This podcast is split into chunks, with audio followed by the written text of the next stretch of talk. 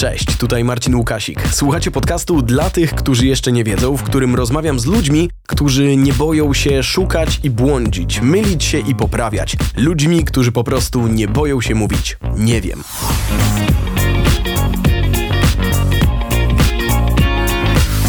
Najważniejsze w biznesie, ale też w życiu są relacje międzyludzkie. Zarówno te z pracownikami, znajomymi, jak i klientami czy kontrahentami. Trzeba mieć otwartą głowę, żeby dowozić projekty z tak wielu kategorii, jak robi to mój kolejny gość. Trzeba też wiedzieć, kiedy się wycofać i powiedzieć po prostu nie wiem.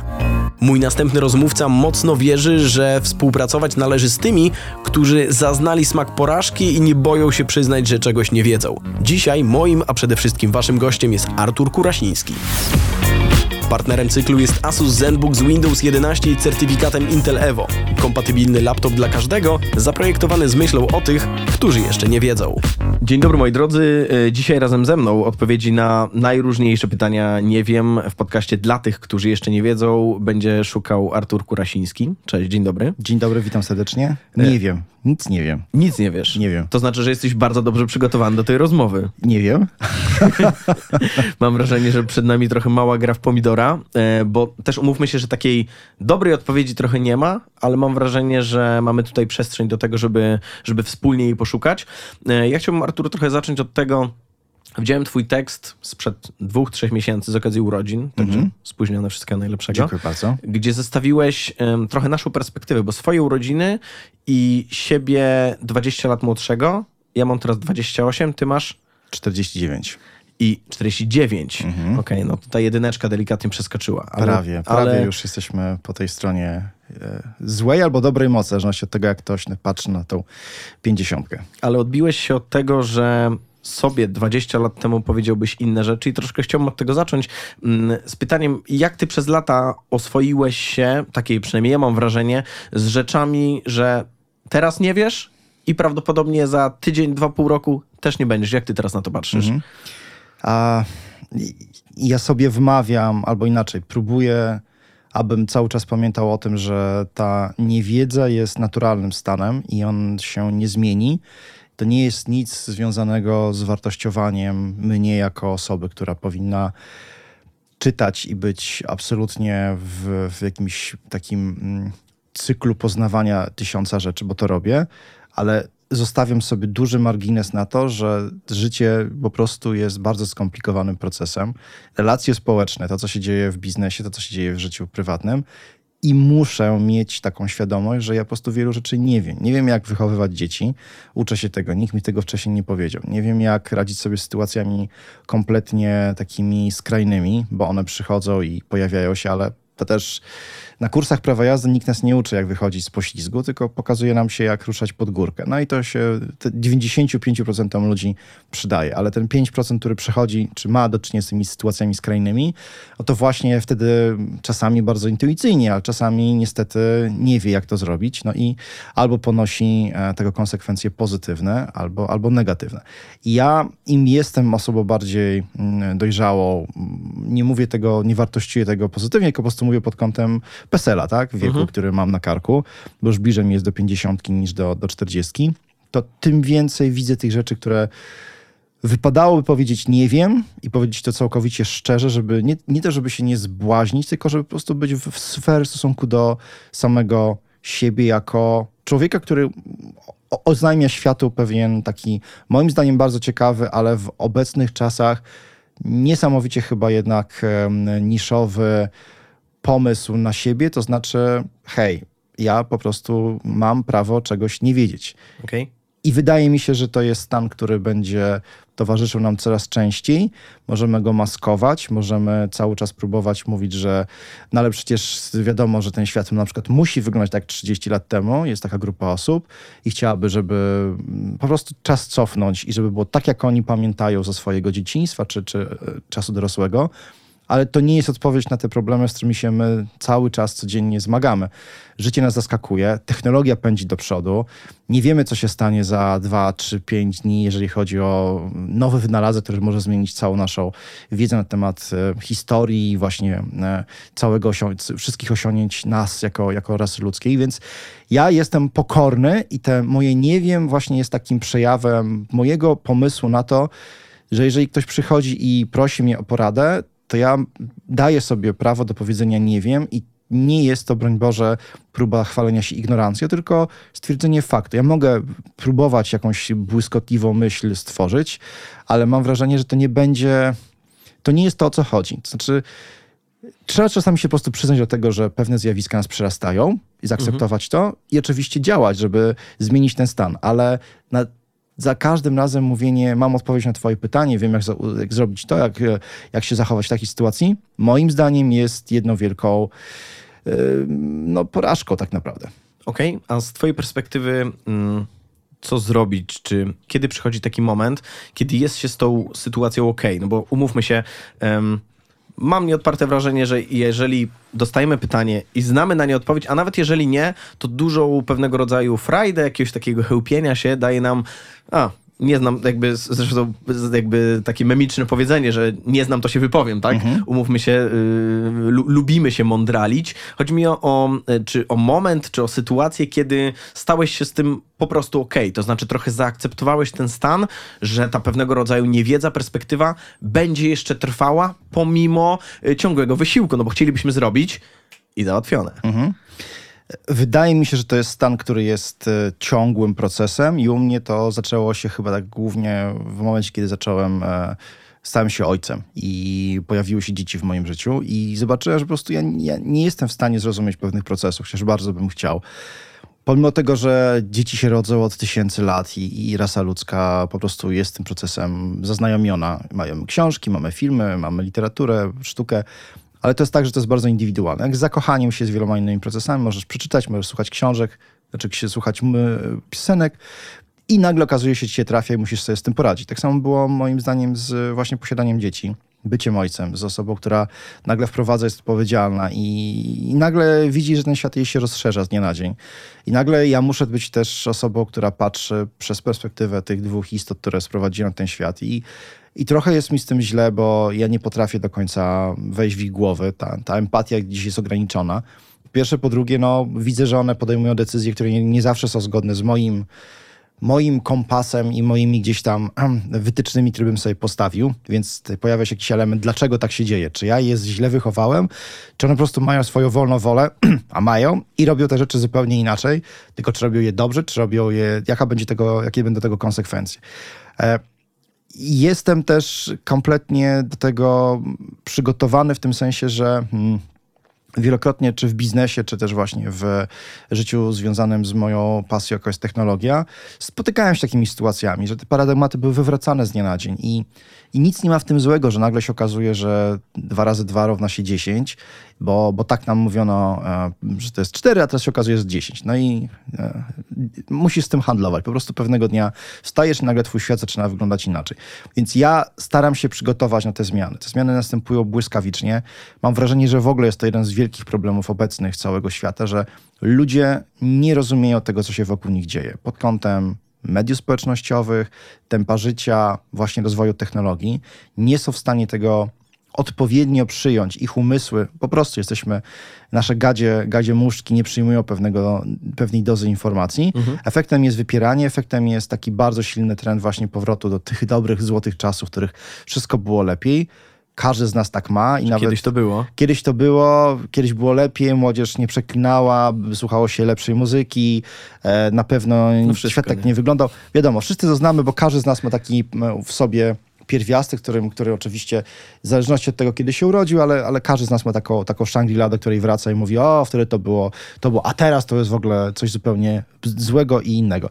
Natomiast nie wiem, wydaje mi się na chwilę obecną stanem, który powinniśmy, ja przynajmniej postuluję, żeby po prostu przyjmować go na co dzień jako taki pomysł na właśnie nasz kontakt ze światem. Nie jestem osobą, która wie wszystko, a jeżeli wiem wszystko, ciężko jest będzie mi zaskoczyć, jeżeli ja powiem nie wiem, jestem otwarty, ale ten nie wiem też mam wrażenie, że w moim wypadku raczej jest takim pozytywnym sygnałem, to znaczy hej, chętnie się dowiem czegoś o świecie, o tobie, o tym zjawisku, ale nie, nie wiem na zasadzie, nie wiem, nie interesuje mnie, to jestem zamknięty i tworzę wokół siebie mur. No właśnie to jest bardzo ciekawy element, na który zwróciłeś uwagę, bo, bo, bo chciałem w tę stronę popłynąć, e, czyli jak złapać te różnice, bo umówmy się, też odpowiedź nie wiem jest bardzo komfortowa, mhm. bo oznacza No nie, jakby taką, wiesz, trochę pozycję zamkniętą. I, i, I gdzie łapać te różnice, albo na czym z twojej perspektywy polega ta różnica, że niektórzy mówią ter, trochę przez domysł, teraz nie wiem, ale poszukam, rozejrzę się, spróbuję, versus takie nie i kropka. Trochę Mhm. zamknięcie tematu. Wiesz co, to jest myślę, że bardzo indywidualne. Znaczy, fajnie jest mieć szczególnie w mediach społecznościowych taką postawę radykalną. Ja też ją czasami przyjmuję, bo, bo ona, ona się dobrze klika. Te- Wtedy, wtedy te wszystkie komunikaty są spójne i ludzie przychodzą po to, żeby zobaczyć batalię między oponentami i trochę w tym, tym światełku ich, tej naparzanki gdzieś tam się ogrzać. E, No bo fajnie jest wyjść na przykład, nie wiem, przed wejściem teraz do studia skomentowałem film, który się pojawił na Netflixie, Broad Peak i napisałem bardzo nieprzyjemną recenzję, w sensie po prostu zjechałem ten film. Okej. I ja nie jestem recenzentem, ja się nie znam na sztuce filmowej, tak pewnie jak ludzie, którzy siedzą w tej branży od 20 czy 30 lat. Nie jestem też twórcą filmowym. Nie mam pojęcia pewnie o całej mechanice tworzenia filmów, ale mam, daję sobie prawo powiedzenia o tym filmie jako o strony z perspektywy odbiorcy. Takiego Mhm. klienta końcowego, który jest widzem, dostał ten content, to odpalił dla nas go, to robią, nie? Prawda? Jakby, tak. I, I ja mówię, nie, to mi się nie podoba. I teraz Okej. tak, te moje nie wiem w tym wypadku, no może ono jest bardziej, to jest dramatyczne nie powiedzenie, że ten, ta produkcja, ten film, ten pomysł jest, jest nie, ale gdyby ktoś mi na przykład się zapytał, Artur, czy ty w takim razie uważasz, że był popełnione jakieś błędy konkretnie związane ze sztuką filmową, tak? Jest zła przysłona, nie wiem, zły montaż. Nie wiem tego. Znaczy pod koniec Okej. dnia ja oceniam produkt i on mi się nie podoba, ale jeżeli ktoś wnika w te szczegóły i pro, prosi mnie o... No to ja muszę zgodnie z e, prawdą powiedzieć, nie mam pojęcia, jak wygląda kręcenie filmu od strony czysto technicznej. Technicznej, mhm. Czy aktorzy dali ciała, o, osoby tworzące scenariusz. Ja mogę tylko ocenić tą, ten element e, końcowy. To, te nie wiem, mam wrażenie, jest, e, jak powiedziałeś, ono, ono jest pociągające, bo może uciąć zas- zasadniczą rozmowę, w zasadzie odwal się, nie wiem. I daj mi spokój, ale jak mówię, ja bym bardziej chciał i to może trzeba ubrać jakąś inną kategorię słów, ale ja, ja raczej staram się taki komunikat budować z poczuciem tego, że jestem otwarty na dialog, ale na chwilę obecną mówię ci jak jest. Nie wiem, natomiast chętnie zmieniłbym swój, dowiedział się, ubrał się mój mózg w jakąś porcję informacji i na pewno chętnie podyskutuję. Natomiast nie odcinam ciebie jako osoby, która potencjalnie może być moim e, ten, interlokutorem, ale też Okej. jestem otwarty na to, że ty powiesz mi rzeczy, które zmienią mój stan i ja wtedy mogę powiedzieć, aha, okej, czyli myliłem się, nie wiem, ten scenariusz jednak jest dobry, bo tutaj powiedziałeś mi o tym, jak się tworzy idealny scenariusz, nie jest bardzo blisko tego i zdjęcia są fajne, mi się nie podobało, ale to jest po prostu mój brak doświadczenia i w oglądaniu milionów filmów czy tysięcy i tak dalej, i tak dalej. Także wolałbym, żeby, ja przynajmniej chciałbym taki właśnie komunikat wysyłać światu. Nie wiem, ale to nie oznacza, że nie jestem ciekaw świata i tego, co jest, z czego jest zbudowane. No dobra, zmieniając kategorię na przestrzeń, na której się znasz, w której jesteś ekspertem. I też umówmy się, z jednej strony poczucie własnej wartości, z drugiej strony różnego rodzaju seria doświadczeń, sukcesów, które dają człowiekowi takie poczucie, okej, chyba się na tym znam. No i tutaj pojawia się em, jakby kolejna kwestia, jak na tej płaszczyźnie odpowiadać, nie wiem, w taki sposób, żeby nie podmywać swojego autorytetu, tylko prezentować taką postawę, wiesz, no trochę bycia otwartym mm, do świata, nie? Ale, ale nie ignorancji takiej, i no i właśnie mm, podmywania swoich kompetencji. A, to poruszyłeś kilka tematów. Po pierwsze, ja się nie czuję ekspertem i to jest coś, co zazwyczaj jest e, bardzo właśnie dziwnie odbierane. Znaczy, według mnie bycie ekspertem wiąże się z ogromną odpowiedzialnością, od której ja chcę uciec. E, Nie czuję się też kompetentny w wielu rzeczach. Ja, ja z racji tego, że przede wszystkim mówię o technologii, biorę pod uwagę to, że dla mnie aspekt technologiczny jest ściśle związany z tą warstwą użytkową nie programuję, nie jestem osobą oceniającą na przykład kwestie właśnie kodu czy elementów związanych z budową jakichś, element, jakichś p- ma maszyn, laptopów, tak? Dlatego, że nie mam żadnego, żadnej wiedzy i pewnie jej już nie zdobędę. Dlatego też em, medialnie i fajnie na potrzeby różnych, e, różnych nazwijmy to, społecznych spotkań e, ja sobie jakąś czapeczkę zakładam, tak? No bo ciężko jest też powiedzieć, panie Arturze, no to jak mam pana podpisać, jak napiszemy, że pan po prostu jest Zwykły zainteresowany. człowiek. Człowiek, który się interesuje wieloma rzeczami, to nie będzie fajne, No, bo my tak musimy pana jakoś ubrać, tak? I w większości wypadków to się właśnie wtedy mówi specjalista, ekspert, mentor, e, osoba właśnie jakiś, jakiś tutaj znawca technologii. Natomiast y, ja się nie poczuwam, w tym sensie oczywiście prawdopodobnie moja wiedza jest większa niż standardowa wiedza dotycząca budowy e, biznesu, tworzenia, tworzenia właśnie technologii, ale ja się nie poczuwam do bycia takim ekspertem, który posiadł wiedzę inżyniersko, właśnie biznesową, głęboką.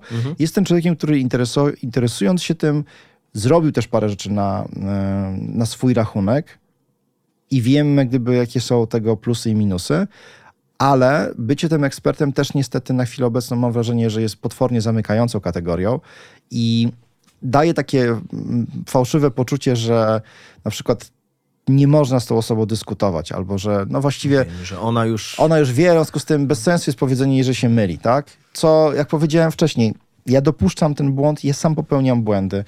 Ja wielokrotnie kasuję jakieś posty na Facebooku czy LinkedInie, dlatego że widzę, że po prostu walnę jakiegoś totalnego babola. O, to ciekawe. Tak, znaczy ja, wiesz, no, nie, nie, nie będę tutaj, e, wiesz, przeinaczał, gdyby budował w fałszywej wizji e, nieomylności, bo, bo absolutnie tak, tak nie jest I, i wielokrotnie mi się zdarzało, że dostawałem, wydawało mi się, bo właśnie wstając rano zobaczyłem coś, skrytykowałem, czy tam skomentowałem, albo, albo wyraziłem swoją opinię, po czym okazało się, że absolutnie tak nie jest. I nagle widzę ścianę tekstu i widzę gazylion osób, które komentuje i mówi wprost, hej, guzik, to tak nie jest, Artur, o pobudka, tak? No i jest mi wtedy głupio. Czasami się przyznaję, czasami po prostu te posty, posty ukrywam, a potem dziś mówię, słuchajcie, popełniłem błąd, ale no nie można być ekspertem w dzisiejszych czasach, na przykład jeżeli chodzi o technologię, bo to jest tak bardzo szeroka, szeroka grupa pojęć i zagadnień, że moim zdaniem trzeba byłoby powiedzieć sobie wprost, na przykład jestem specjalistą od technologii związanych z, tak? Ja często mienię się ekspertem od e, rzeczy związanych ze startupami i tu bym sobie przypisał, że mam do tego na to jakiś glade, tak? Tu, tu okej, jestem w stanie to obronić. Natomiast gdyby ktoś powiedział, czy się znasz na przykład na branży telefonii komórkowej, tak? Albo, albo rozwiązań chmurowych, tak?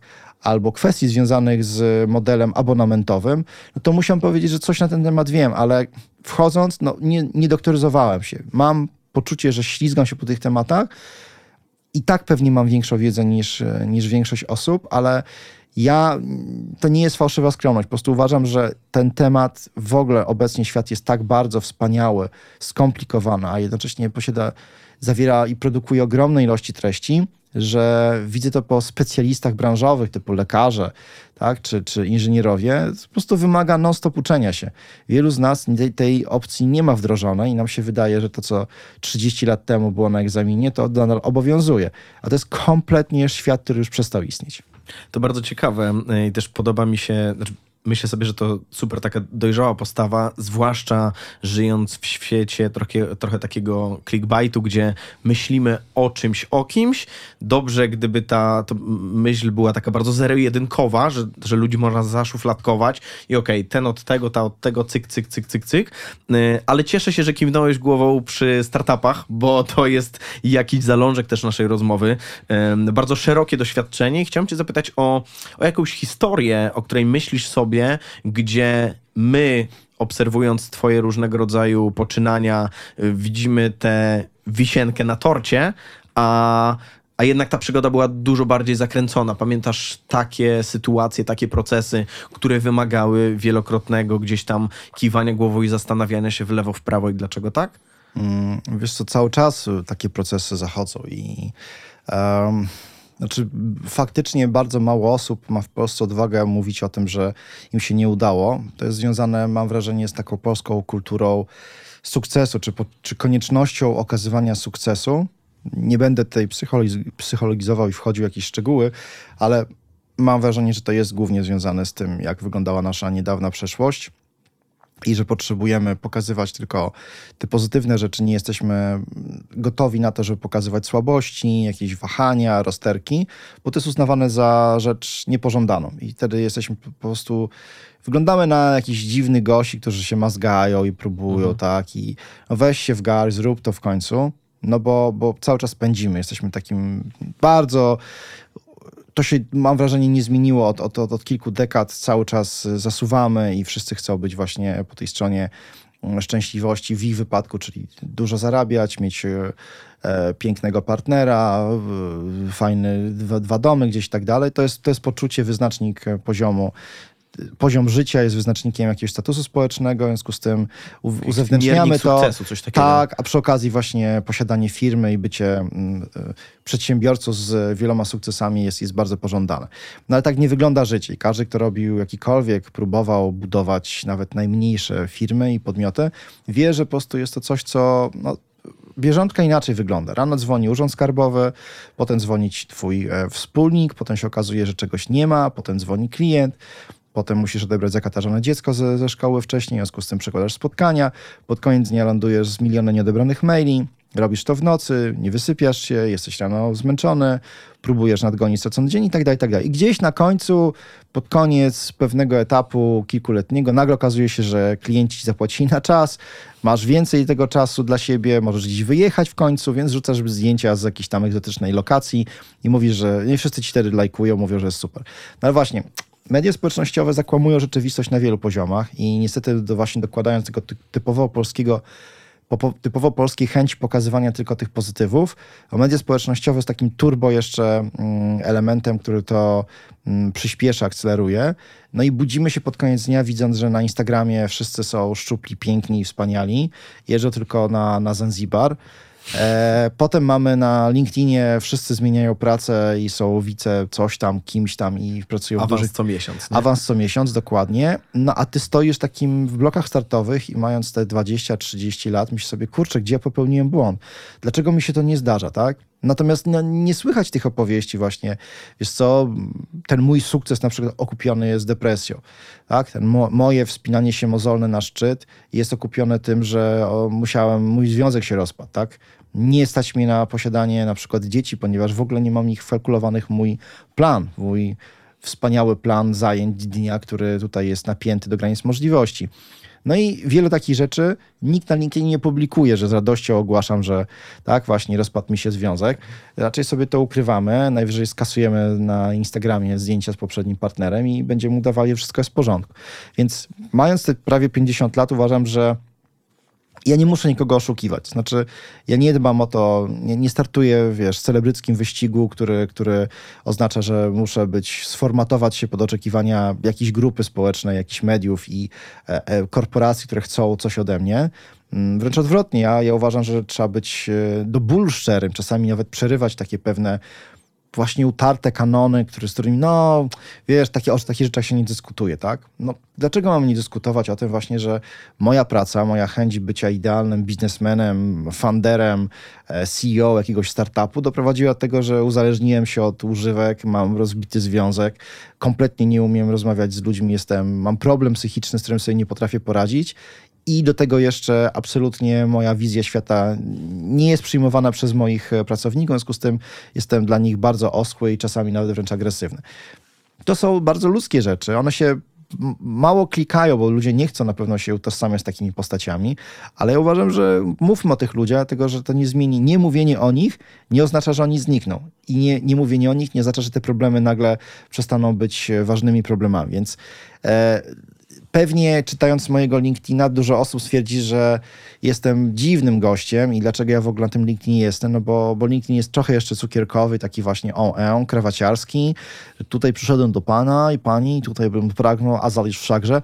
No ale okej, okay, a to nie jest coś, co jak gdyby mnie bawi, tak? Ja to mogłem robić 20 lat temu. E, w mediach społecznościowych jestem mniej więcej właśnie od dwóch dekad i jakoś tak widzę, że po prostu pewne rzeczy już wybrzmiały nie wiem, też pewnie jest jakaś kreacja mnie, tak? Absolutnie nie, nie, nie jest tak, że ja e, nie szukam też jakiegoś pomysłu na siebie, bo też chcę być oryginalny w granicach mojego dobrego gdyby zdania o sobie samym i, i nie, nie, nie posiadania cringe'u na temat tego, co opublikowałem kilka tygodni temu, ale z drugiej strony widzę, że ta sytuacja, w której jestem obecnie, no jest ciekawa, w sensie dużo osób jest zainteresowanych właśnie takim zdrapywaniem tego, tego, um, tego złotka z, tego, z tego, tej powierzchni i powiedzenie, no dobra, to w takim razie co takiego by się stało, gdybym ja na przykład próbował naśladować te wzorce tych Steve'ów Jobsów, Elonów Musków tego świata. I ja mówię, no nie, to będzie kosmos, to będzie, ale ten taki koszmarny kosmos i to będzie coś bardzo złego. Nie idźcie tą drogą. Ludzie są zszokowani, bo oni czytają biografię, przepastne tomy pisane, to są hagiografie de facto. Mhm. Im się wydaje, że po prostu nic, urodzić się, być, być taką osobą i żyć takim życiem, to po prostu jest naprawdę wspaniała przygoda.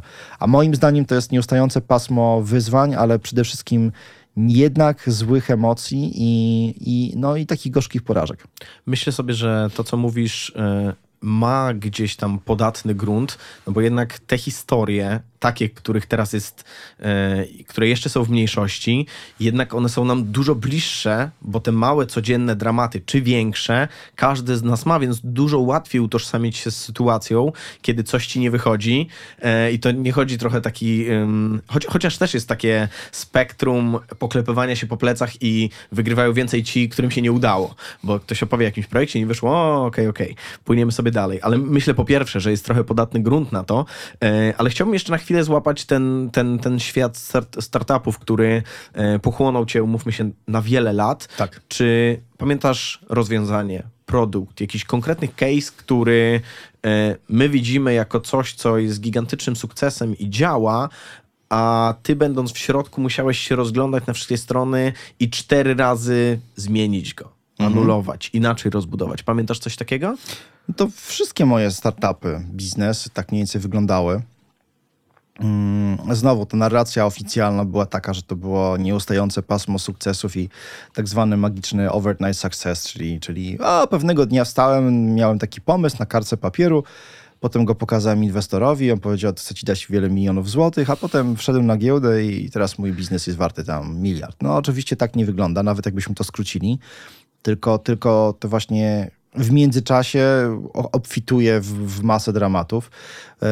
Wiesz co, patrzę na przykład na, na, na, swoje rzeczy związane z wydawaniem książek, które e, są związane z e, dzieciakami, bo, bo to jest, bazujemy teraz na opowieści o tym, jak e, pewnego dnia moja starsza córka przyszła do domu i zapokana powiedziała, że no nie mogła dostać się na zajęcia z robotyki, zresztą w szkole, która jest niedaleko stąd, stąd gdzie nagrywamy dlatego, że była informacja o tym, że tam są tylko chłopcy mile widziani.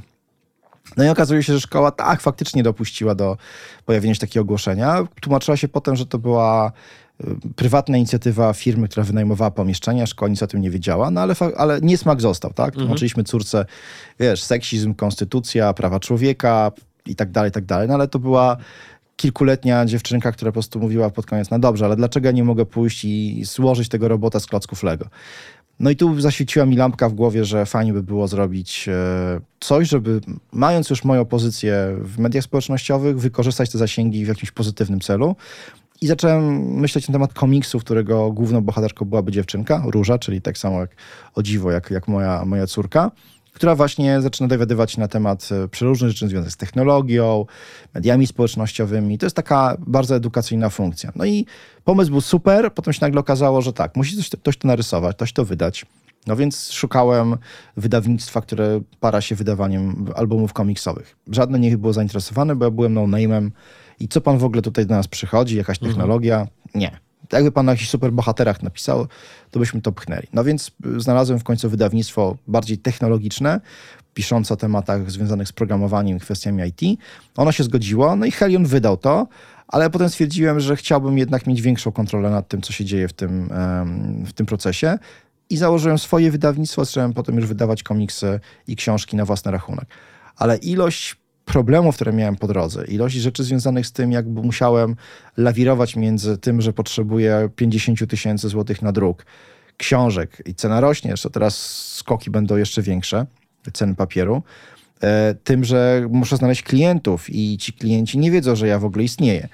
Potem, co się dzieje w momencie, kiedy mam już na magazynie kilka tysięcy wydrukowanych książek i one leżą i czekają, ja płacę za magazyn, za palety leżące, no i trzeba to zacząć reklamować takie procesy, które pierwotnie wydawały mi się potwornie proste, no bo przecież wydawnictwo to się samo sprzedaje. Ja pewnie jestem w stanie obchnąć jednym postem tam kilka tysięcy, a jak poproszę dwóch znanych influencerów, to po prostu wyprzedamy pół Polski. Tak. No tak się nie stało i, i mm, jestem, jestem gdzieś tam rozbity między kilka biznesowych takich właśnie rozkmin, co zrobić lepiej, ale to nie doprowadziło trochę do upadku tego biznesu, bo on, bo on się cały czas y, dzieje i toczy.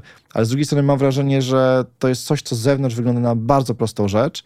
O, już masz ugruntowaną pozycję, możesz sobie swoimi właśnie postami na Facebooku czy LinkedInie ładnie tutaj podprowadzić klienta. Książki są wydrukowane. Potencjalnie sama marka też już jest znana, bo przecież Helion pomógł ci w sprzedaży kilku tysięcy sztuk, w związku z tym jakaś tam grupa klientów już jest, tak dalej. Więc to taki jeden taki z wielu przykładów, i, ale tak samo jak patrzę, nie wiem, no, na astrografy, czyli biznes, który robię z Adamem Sienkiewicz,em i jestem tam um, wspólnikiem, no, niby się wydaje prosta rzecz. Drukujemy we własnym zakresie, jesteśmy taką małą rodzinną manufakturą. Drukujemy zdjęcia gwiazd. To są prace Adama, ale też twórców, twórczyń, z którymi pracujemy. Wydaje się, to jest piękne, że to jest potrzebne i to jest super fajne, bo to jest edukacja też na temat kosmosu. Natomiast przyszła pandemia i okazało się, że nie możemy wysyłać tych rzeczy wspaniałych i pięknych do, do, tych naszych klientów, bo Poczta Polska po prostu stwierdziła, że nie będzie wysyłała takich przesyłek. Potem kurierzy indywidualni, czy kurierzy w ogóle podnieśli ceny. Potem okazało się, że przyszedł, przyszła aktualizacja w iOSie i wycięła Facebooka tak naprawdę. Po czym się okazało, że mm, przyszła wojna i teraz przyszła inflacja. I za każdym razem można powiedzieć, że nie ma takiego miesiąca, w którym by coś się nie zadziało takiego fundamentalnie złego dla biznesu.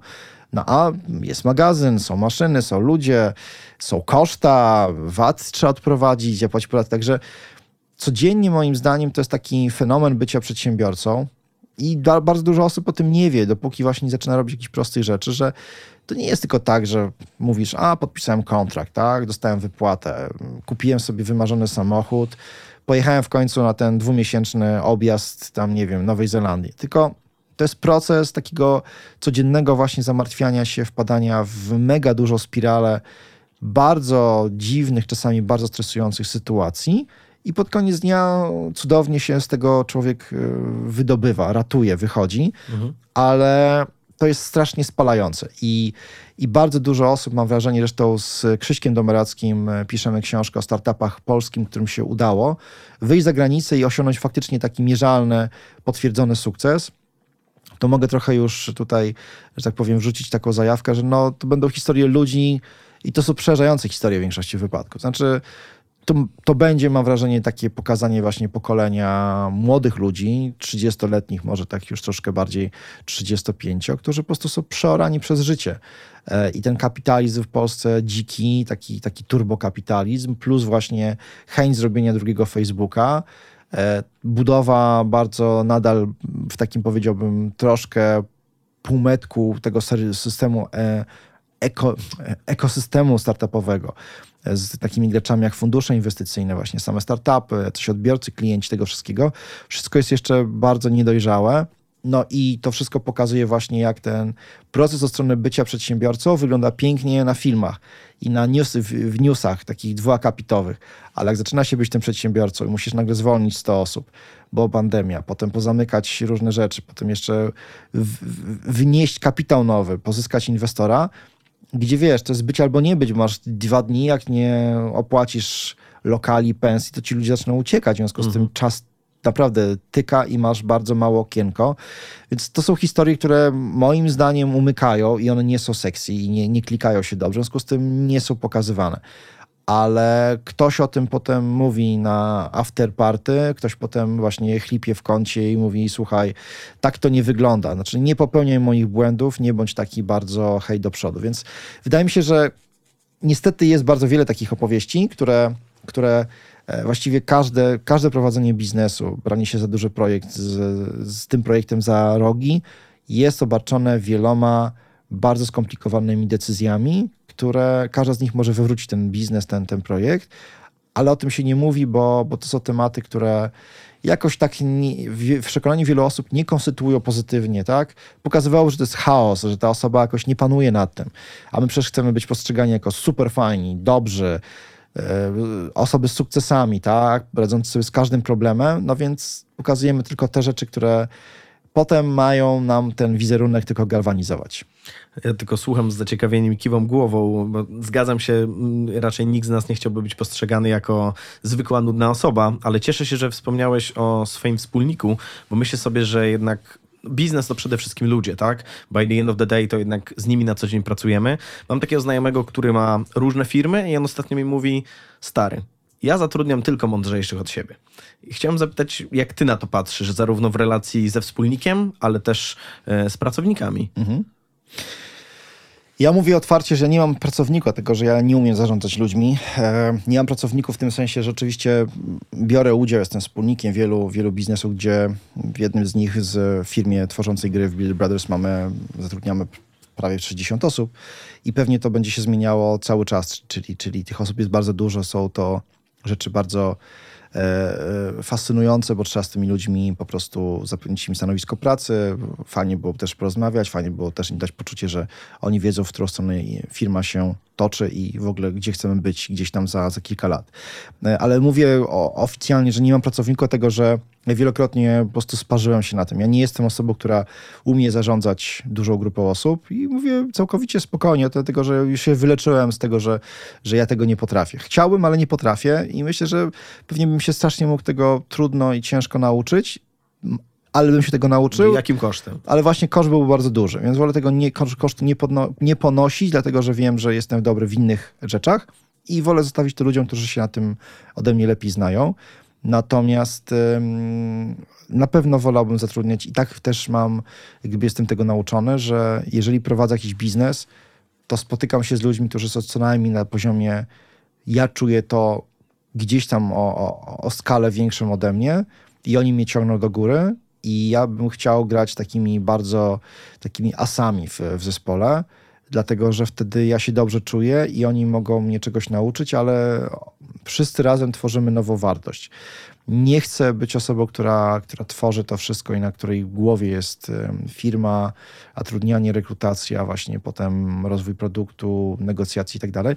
Robiłem to kilka razy i to kończyło się porażkami, bo ja jestem tym, który wpada do pokoju, mówi płyniemy w lewo, po czym wpadam za trzy dni, płyniemy w prawo, tak? Stop, w ogóle nie łódka, okay. tylko będzie samolot. Więc jestem szalonym wizjonerem, którego wizje są pod koniec dnia, one są bardzo dobrze, dobrze przewidują rzeczywistość. Tylko jeszcze jest coś, o czym większości ludzi nie pamięta. Ja przez pół swojego życia nie, nie dopuszczałem tej myśli do siebie. Trzeba, kurde, to zrobić. Oprócz tego, że masz świetny pomysł na początku, to potem musi ktoś usiąść, go narysować, wykonać, wdrożyć, przeprowadzić próby, przedstawić, zareklamować, wyjść na rynek, tak, zacząć go sprzedawać. I to jest ogromnie duża droga. I długa, i najeżona ogromną ilością e, elementów, takich etapów, które mogą ten produkt wyrzucić, znaczy wywrócić do, do, do góry dnem. Mhm. A ja, a mi się wydawało, że jak będę miał pomysł, to powiem, ojej, mam taki pomysł, ludzie go chwycą, zrobią go dokładnie tak jak chcę, bez opowiadania i zrobią to w dwa dni. I my będziemy się cieszyli, siedzieli na tej plaży, pili te drinki z palemkami. No więc tak, tak, tak właśnie biznes nie działa. To jest właśnie ten słynny, taki trochę ironiczny overnight success, że ludzie uważają, że a, to właśnie to się stało bardzo szybko. A w większości takie szybko oznacza dekada, 15 lat pracy, dzień w dzień, przychodzenia i twoi wspólnicy są twoimi, widzisz ich częściej niż swoją um, żonę czy męża e, i swoje dzieci i masz z nimi o wiele większe i głębsze relacje czasami niż z członkami swojej rodziny. I się okazuje nagle, że żyjesz w pracy i jesteś tą pracą przesiąknięty, a jednocześnie e, to się posuwa właśnie tak miesiąc, drugi miesiąc, o już znowu wiosna, no kolejny rok minął, tak? A ty byś chciał już być tutaj na tym szczycie i to wszystko okay. gdzieś tam bardzo ładnie, żeby to już się kończyło. To tak nie działa. Okej. Okay. A czy to prawda, że w procesie pozyskiwania finansowania aniołowy biznesu, czy jakikolwiek inny podmiot, który daje pieniądze na osoby, jakby na twórców, czy na pomysłodawców, w momencie, kiedy ja zgłaszam się z pomysłem i w swoim portfolio mam trzy firmy, które upadły. Mhm. Oni patrzą na mnie przychylniej, bo wiedzą, że okej, okay, tu nie wie, tu nie wie, tu nie wie, to prawdopodobnie popełnił już tyle błędów, tak. że z tym pomysłem sobie poradzi. Mhm. To prawda, że to może działać in plus? Prawda, ale nie w Polsce. Okej. Okay. W Polsce lubimy właśnie otoczyć się ludźmi, którzy potencjalnie są tylko i wyłącznie wygranymi zawsze i wszędzie. W Stanach, rzecz jasna, takich ludzi się ceni bardziej. Kultura opadania, kultura bycia osobą, która przyznaje się do porażek, która ponosi jakieś konsekwencje, ale uczy się na nich, to jest coś, co w kulturze anglosaskiej funkcjonuje od, od, od wieków i oni sobie z tym radzą dobrze. W Polsce, jak mówię, my jesteśmy jednak cały czas mentalnie tymi e, ubogimi kuzynami właśnie początku lat 90., e, gdzie wszyscy chcieli być, e, chodzić, być albo maklerami, albo być właśnie biznesmenami, którzy mają szybkie samochody i wielkie, wielkie pałace. I żyją trochę jak w takim serialu Dynastia. I nikt nie chciał być tym takim właśnie wyrobnikiem, czeladnikiem, rzemieślnikiem, bo przecież to jest niefajne, tak? ale to tak właśnie nie działa. To znaczy w Polsce ceni się niestety przebojowość, to taką właśnie czasami rozumiano, że po trupach do celu. Mhm. W Stanach odwrotnie. Tam jest pokora i oczywiście ktoś, kto ma do zrobienia dużą inwestycję, wybierze kogoś, takiego fundera, osobę tworzącą biznes, która ma za sobą kilka porażek i będzie to o wiele cenniejsze, dlatego że taka osoba wie, jakie są jej ograniczenia, wie, jak można wyjść z tego problemu, kiedy on się pojawia, co zrobić i jakie są koszta. No, dlatego ja też nie cenię sobie takim, którzy na przykład szczęście sprzyja i są genialni od samego początku. Okay. Uważam po prostu, że to są super fajne osoby do, do patrzenia, jak one gdzieś się w pewnym momencie wyłożą tak spektakularnie. No bo jeżeli nie poniosłeś żadnych negatywnych e, skutków swoich decyzji, nie masz takiego feedbacku negatywnego, no to wciskasz pedał gazu coraz bardziej do dechy, tak? I w pewnym momencie lądujesz na drzewie, tylko że czasami możesz wylądować przy prędkości 50 na godzinę, a czasami wylądujesz przy 220. I pytanie, przy jakiej prędkości masz większą szansę na przeżycie? Tu pewnie okaże się, że przy 50 też możesz umrzeć, no ale mam nadzieję, że wszyscy rozumieją, o co mi chodzi, tak? tak, tak, tak. Że taka po, po, pokora... Czyli jak komuś za łatwo się udało, tak. to niedobrze z twojej perspektywy. Nie, nie. nie. Takie osoby, takie osoby nie chciałbym w zespole mieć. A stwierdziłbym, że Fajnie ona może przyjść, zmotywować mi jakąś pogadanką, takim peptokiem, ale absolutnie to nie jest mój partner. Ja chcę mieć gościa, który połamał sobie zęby, wyrwał resztki włosów z głowy, na, rozwiązując problemy. Tak? Prawie, że otarł się o śmierć kliniczną i był człowiekiem wypalonym zawodowo, ale wrócił. Wolę takich właśnie opowieści o ludziach, którym, którym się udało, którzy wstali dosłownie z martwych i ich bardziej cenię, bo oni są takimi bezpiecznikami w moim biznesie. Ja im bardziej jestem w stanie zaufać, niż takiego, który powie, a, spoko, nigdy w życiu się jeszcze złego nic nie stało. No tak, bo miałeś zawsze szczęście a jak się stanie, to po prostu wpadniemy z prędkością kosmiczną w jakąś, jakąś przeszkodę i się po prostu rozbijemy. A ten człowiek będzie takim moim kanarkiem w kopalni, który, który powie, słuchaj, ja tutaj widzę, miałem podobny problem, kiedyś to się źle skończyło. Zatrzymajmy się, tak? Omnijmy to, nie róbmy, nie idźmy w tą stronę. Okej, okay, okej. Okay. No to myślę, że bardzo ładnie wpisuje się właśnie taka opowieść sukcesu, tak? Że zawsze się udaje i też myślę, że to często na etapie i relacji, i biznesu, i, i szeroko pojętego funkcjonowania jako społeczeństwo w momencie, kiedy, mm, e, kiedy jest dobrze, to jest dobrze, tak? Lubimy się, jest kasa, jakby wszystko pięknie płynie i moim zdaniem świetnym momentem weryfikacji różnego rodzaju właśnie zależności między ludźmi jest moment, kiedy coś się wywraca, bo wtedy i poznajemy kogoś w sytuacji stresowej i co robi, jak nie wychodzi. To jest taka, e, taka przestrzeń, że można by się tego dowiedzieć, ale kiedy opowiadasz o tych startupach, myślę, czy pamiętasz taki punkt zapalny, punkt zwrotny, kiedy wyraźnie wylogowałeś się z takiej właśnie filozofii e, hustle 12, mhm. 14, 16 godzin, damy radę, zrobimy, żeby tylko. Mhm. Pamiętasz taki punkt zapalny? Yy, tak, to było, to było e, pamiętam dokładnie, bo mm, wiele razy do tego momentu wracam, e, bo jest to ciekawe z, z, z jednej strony dlatego że to była geograficznie ciekawa lokacja, bo byłem na Hawajach.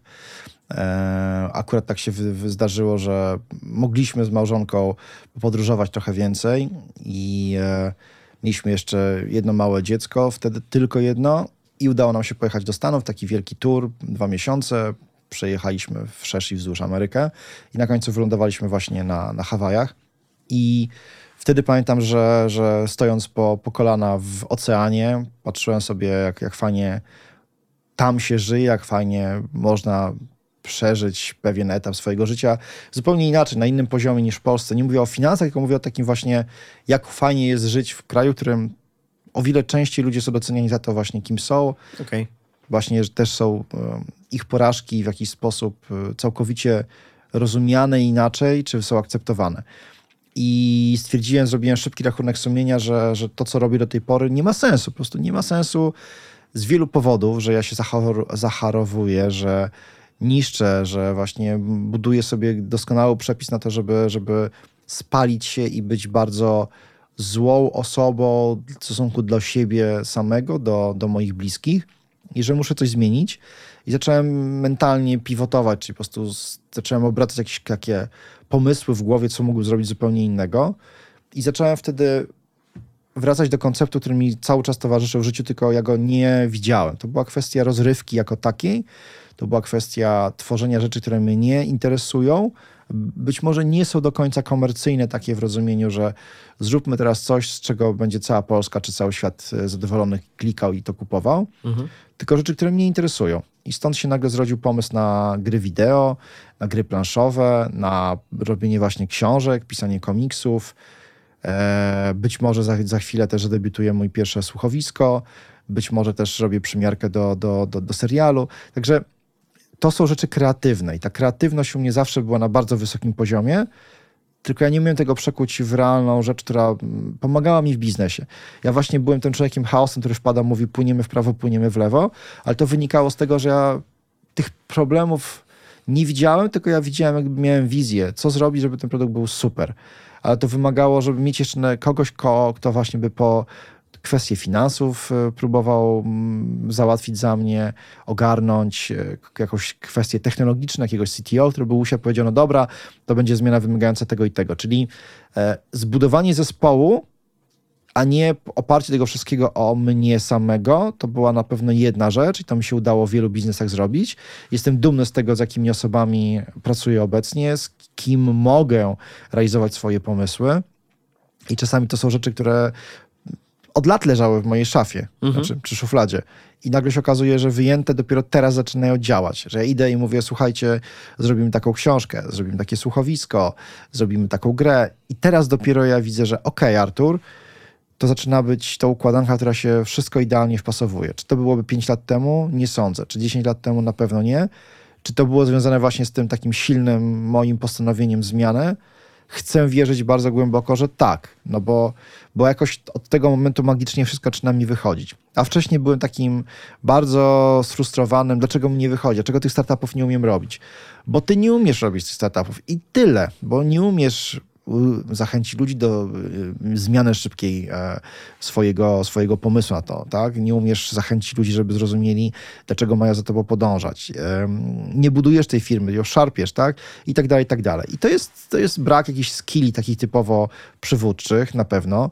Po drugie, ja po prostu też nie, nie, nie do końca chcę być e, szefem, tak? Ja, bym, ja chcę być osobą, która przychodzi i wymyśla i cieszy mnie to, że mogę nową ideę gdzieś o, ubrać w jakąś fajną formę i ją wrzucić czy na rynek, czy po prostu dać komuś na zasadzie właśnie jakiegoś projektu kompletnie non-profit, ale to mnie jara. I to jest coś, co mnie, mi daje taką satysfakcję, że ja wstanę i nie wiem, czy na przykład za kilka dni nie będę wymyślał nie wiem, w jaki sposób przygotować e, kolekcję stołów, tak, bo ktoś mnie poprosi i stwierdzi, że to jest genialny pomysł ale na pewno wiem, że do końca życia nie chciałbym robić czegoś powtarzalnego, tego samego, pracować w tym samym środowisku z tymi samymi ludźmi i jeszcze nie daj Boże być w strukturze, która jest uzależniona od widzimisię jakiegoś dużego e, podmiotu. Dlatego nie nadaje się kompletnie do pracy w, w, w dużych organizacjach. Ja mogę z nimi dealować, mogę z nimi być w, w jakimś stosunku, ale to musi być równe. Absolutnie nie mogę być częścią mechanizmu, bo ja po prostu wtedy się czuję przytłoczony. Byłem, próbowałem, pracowałem w korpo, małym, bo małym, ale w sensie w telekomunikacji polskiej, a potem w Orange'u i, wiem, że to nie jest dla mnie. Potem pracowałem w agencji interaktywnej i też wiem, że to była udręka i, i po prostu nie czułem się tam komfortowo.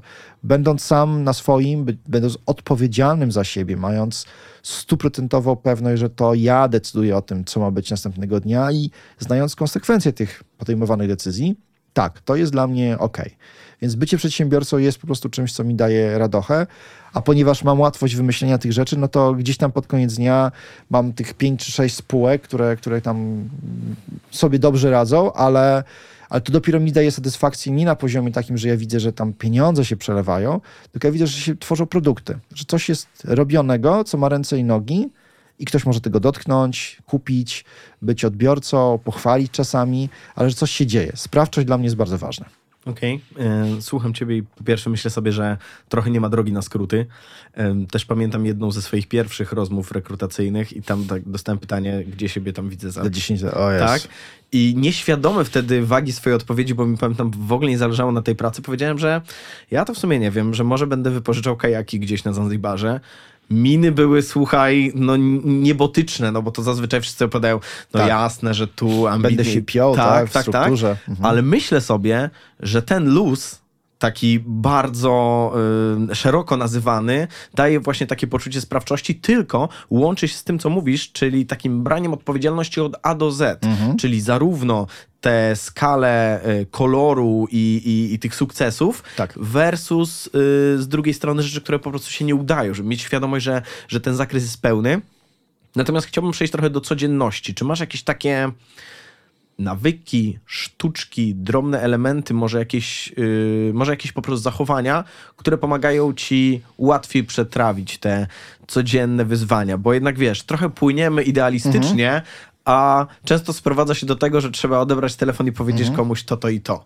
Jakby jak to, jak przeskakujesz ten mhm. drobny schodek takiej codzienności? Mm, bardzo dobre pytanie. Yy Staram się wyczyścić codziennie swoją skrzynkę z maili, to znaczy mieć e, tylko to, co naprawdę, nie wiem, zostawiam sobie, bo chcę mieć następnego dnia przed oczami. E, bo tak właśnie się też e, dyscyplinuję, to znaczy wysyłam sobie maile, tworzę sobie jakieś takie notatki, zadania za pomocą mojej skrzynki i absolutnie nienawidzę zostawiania maili na, na wieczne zaś i o, to pewnie odbiorę. Nie. Jeżeli coś jest ważnego, a wszystko jest ważne, chyba że tego czegoś nie chcę, po prostu kasuję. Mam jakąś bardzo dużą ilość subskrypcji, newsletterów i czytam i, i, jestem w stanie szybko zrezygnować z tej subskrypcji, jeżeli widzę, że dwa czy trzy numery kolejnych wydań przychodzą i po prostu nic tam ciekawego nie ma.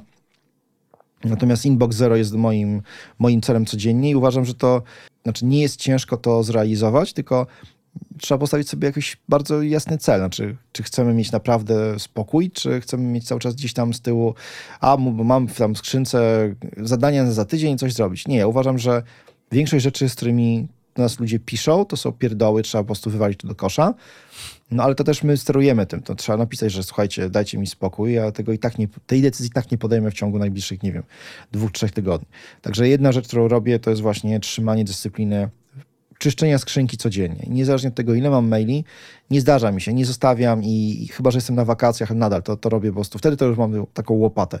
W sensie po, po dwóch dniach po prostu wyrzucam wszystko do kosza. Niezależnie od tego, czy to jest super pilne, mało pilne. Nie ma, tak? Ja, ja mogę sobie pozwolić na ten luksus. Teraz byłem dwa miesiące prawie na wakacjach i pracowałem zdalnie oczywiście, bo jestem pracocholikiem, ale to nie jest tak, że ja e, zmieniam tak i w ogóle przez dwa miesiące nie odbieram maili. Nie, odbieram codziennie, tylko są te mniej ważne, którymi sobie radzę, a te, które się automatycznie przydawnią, to są te, które krzyczą, że dzisiaj musisz podjąć decyzję. No to już jutro one nie będą w żaden sposób nie dotyczyły.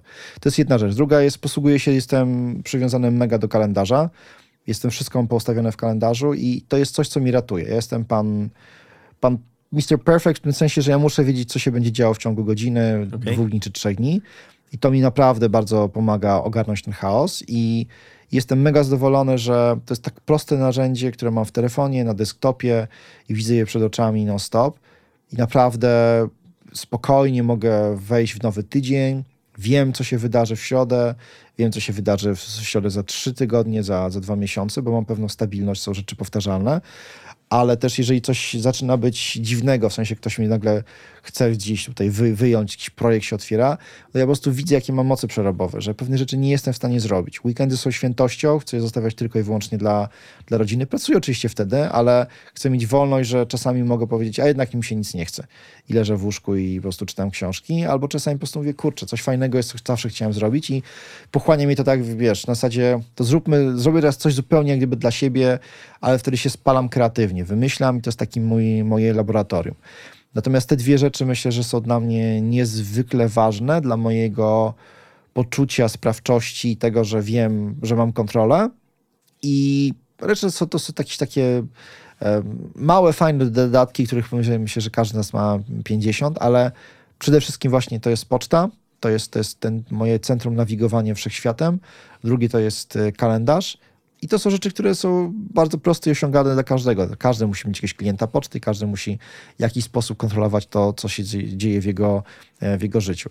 Ale polecam, bo, bo okazuje się, że bardzo mało osób korzysta z tego tak hardkorowo, a to są naprawdę rzeczy, które są bardzo prosto jest opanować i oczywiście można potem je szlifować i ten poziom mhm. mistrzowski jeszcze bardziej e, sobie podwyższać, ale prosto jest to się wskoczyć tak? i z tego korzystać. To super proste narzędzia, tak jak Bardzo. poczta i kalendarz. Takie Absolutnie. Często pojawiają się różne pytania do prelegentów, czy do mhm. osób, które pojawiają się, opowiadają o, czy o biznesie, czy o Mm, jakiejś tam, nie wiem, wysokosprawczości, produktywności, narzędzia, narzędzia, narzędzia. No i właśnie jak ktoś mówi, kurczę, czy będziesz pisał to sobie w notatniku, czy w tak. Wordzie, czy to w ogóle nieistotne, e, ale myślę sobie o tych, którzy nas słuchają i e, gdzieś tam mam wrażenie, jak z tobą tutaj rozmawiam, czują duży luz, taką po prostu, mhm. okej, okay, robimy, idziemy do przodu.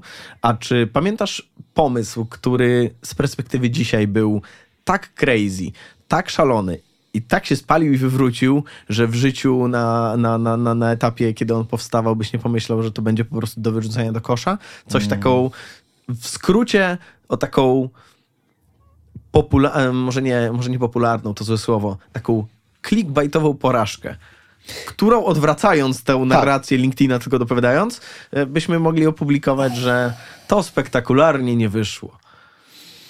Wiesz co, wiele było, ale tak patrzę teraz w kategorii spektakularności, co by tu można było powiedzieć. E, miałem jakiś taki pomysł, bo ja w ogóle jestem człowiekiem, który ma dosyć dużo łatwość w nawiązywaniu kontaktów i, i, no i buduję je, wiadomo, no, mam 49 lat, więc naprawdę spokojnie można powiedzieć, że tak przez 30 ostatnich lat nic innego nie robiłem, tylko spotykałem się z całą masą, z tysiącami ludzi, z przedsiębiorcami, z różnej klasy, mm, też osobami z mediów, osobami znanymi i tak dalej. No i gdzieś to procentuje, tak? No, jeżeli się mówi, że sześć rąk dzieli nas od dowolnej osoby na ziemi, to ja myślę, że u mnie to są trzy, a czasami dwie.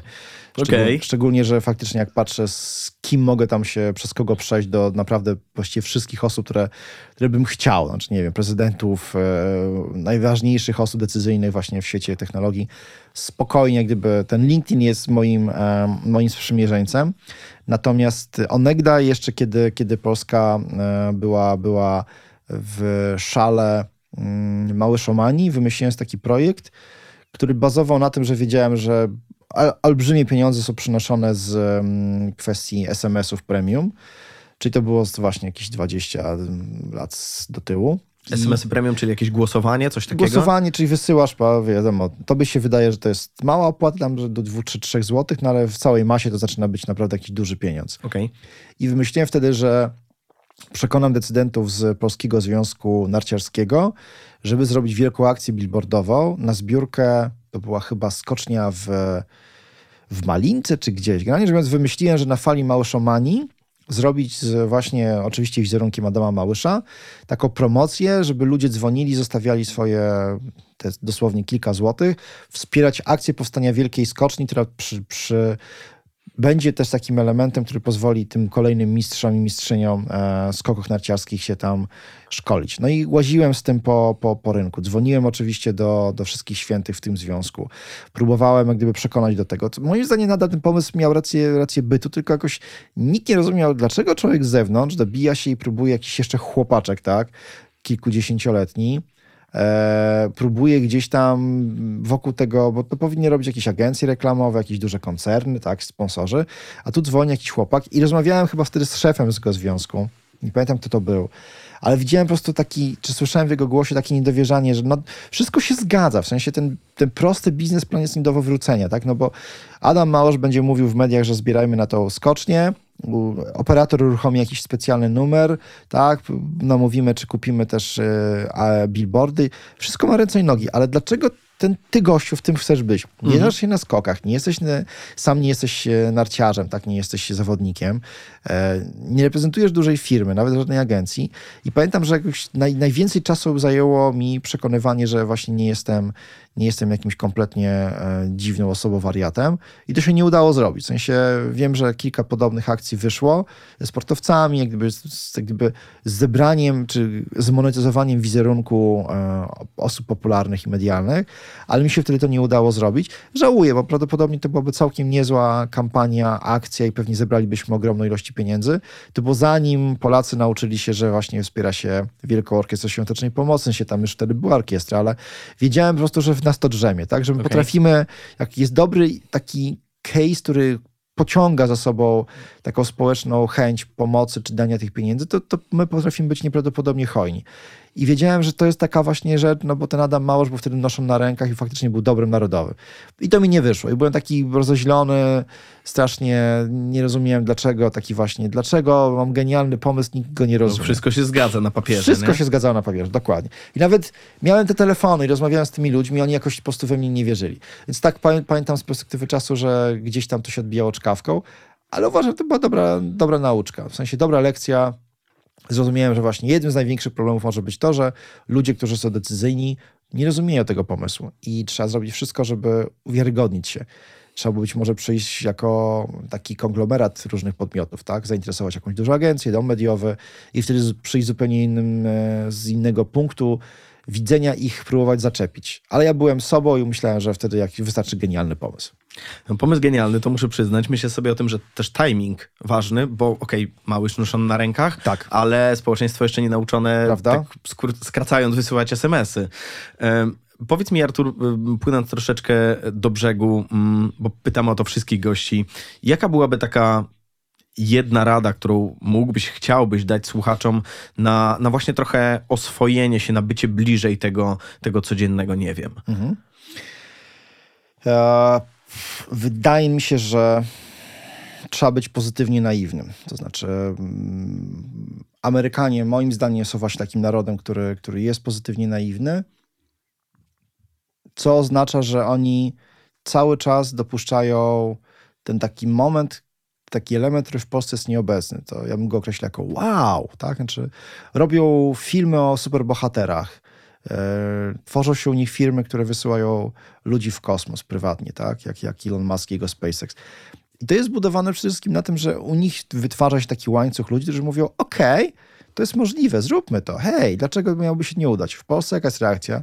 Się na pewno nie uda. A dlaczego my mielibyśmy wysłać człowieka w kosmos?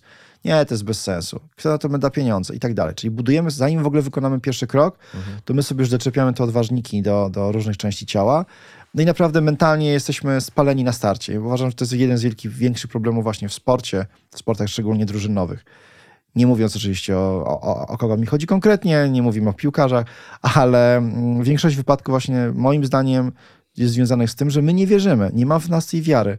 My sobie od razu podcinamy te skrzydła, podczas gdy Amerykanie, mówię o, tych, o nich dlatego, że oni mają ten ogromny dar opowiadania, oni budują tą narrację, oni mają to swoje opowieści. No, popkultura jest amerykańska, my żyjemy Ameryką, nawet nie wiedząc o tym i kupujemy te brandy, kupujemy te opowieści non-stop. I im się to udaje robić, oni mają ma, ma bardzo duży wpływ, a to jest coś, co mam, mam wrażenie, że jest podstawą tego właśnie wytworzenie takiego przeświadczenia, że nam się uda, że my możemy to zrobić. We can do it, że naprawdę ten Mission Impossible, o którym potencjalnie wszyscy myślą i mówią i go widzą, to jest tylko i wyłącznie coś, co po prostu, no dobra, no to w takim razie musimy mieć większą drabinę, tak? Albo trochę więcej pieniędzy, albo jakąś celebrytę, albo musimy po prostu mieć wynalazek, o którym nie wiemy, że istnieje, ale pogadajmy z uczelniami, ale on na pewno gdzieś jest.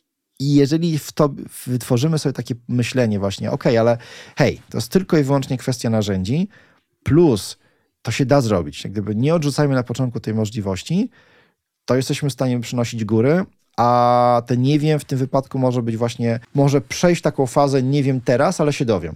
Znaczy nie, nie do końca jestem w stanie udzielić odpowiedzi na to pytanie, ale to nie oznacza, że ja nie chcę tego zrobić i nie dopuszczam właśnie do siebie myśli, że za chwilę będę, posiądę tą wiedzę.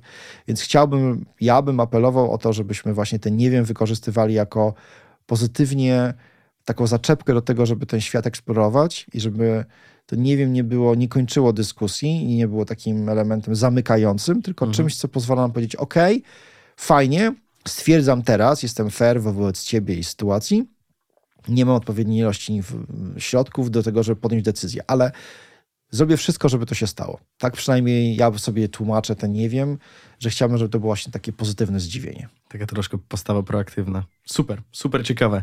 Yy, przypominam, że w poszukiwaniu odpowiedzi na nie wiem wspierał nas laptop Asus ZenBook 14 na platformie Intel Evo z systemem Windows 11. Dziękuję Artur za wszystkie historie, masę doświadczeń, uśmiechu, no i przede wszystkim tego luzu takiego, z którym ty dostajesz pytanie, bierzesz głęboki wdech i mówisz okej, okay, płyniemy dalej. Dziękuję za zaproszenie. Mam nadzieję, że e, nie zanudziliśmy Was, e, drodzy słuchacze i słuchaczki. E, no i zapraszam Was do mm, zgłębiania swojego nie wiem i praktykowania tego. Mam nadzieję, że podsunąłem Wam fajną metodę, czyli właśnie tego pozytywnego zdziwienia. To jest, to jest trudne. W Polsce, wiecie, w szarej, brudnej, czasami potwornie jednak zakompleksionej Polsce, bycie takim troszkę kolorowym ptakiem rodzi dużą masę problemów, ale moim zdaniem właśnie ci ludzie wygrywają. Marzyciele, wizjonerzy, ci, którzy mówią, ale dlaczego tak jest? Dlaczego, dlaczego mamy trochę nie pokontestować tego status quo? Bo my jesteśmy przyzwyczajeni do rozbioru, walki, przegranej, gloria victis. Lubimy, wiecie, martyrologię. A to, to nie do końca tak jest. Świat okej, okay, kupuje te powieści, ale ludzie, ludzie jednak lubią identyfikować się ze zwycięzcami z tymi, którym poszło, że zmieniają coś pozytywnie, a nie tylko narzekają, nie, nie da się, to nie my, niemożliwe, nie ma, Bałtyk jest zimny, w zimie nie ma śniegu w Polsce, jest smog i tak dalej. Okej, okay, ale naprawdę, ludzie na świecie mają jeszcze gorzej niż my. My, my. my, trochę musimy też zacząć cieszyć się tym, co mamy. Ciekawa perspektywa. To jeszcze na koniec przypominam, że wszystkie odcinki podcastu dla tych, którzy jeszcze nie wiedzą, znajdziecie i we wszystkich serwisach streamingowych oraz na YouTubie. Yy, obserwujcie, subskrybujcie, zależy na jakiej platformie nas oglądacie, słuchacie. Yy, dajcie znać o swoim nie wiem, bo to też myślę ciekawe i też myślę, Artur, że zasialiśmy troszkę taką przestrzeń do tego, żeby sobie trochę yy, podumać, porozkminiać, jak kto mówi, właśnie w którą stronę i, i, i jak można popłynąć. Dziękuję serdecznie. Dziękuję również serdecznie.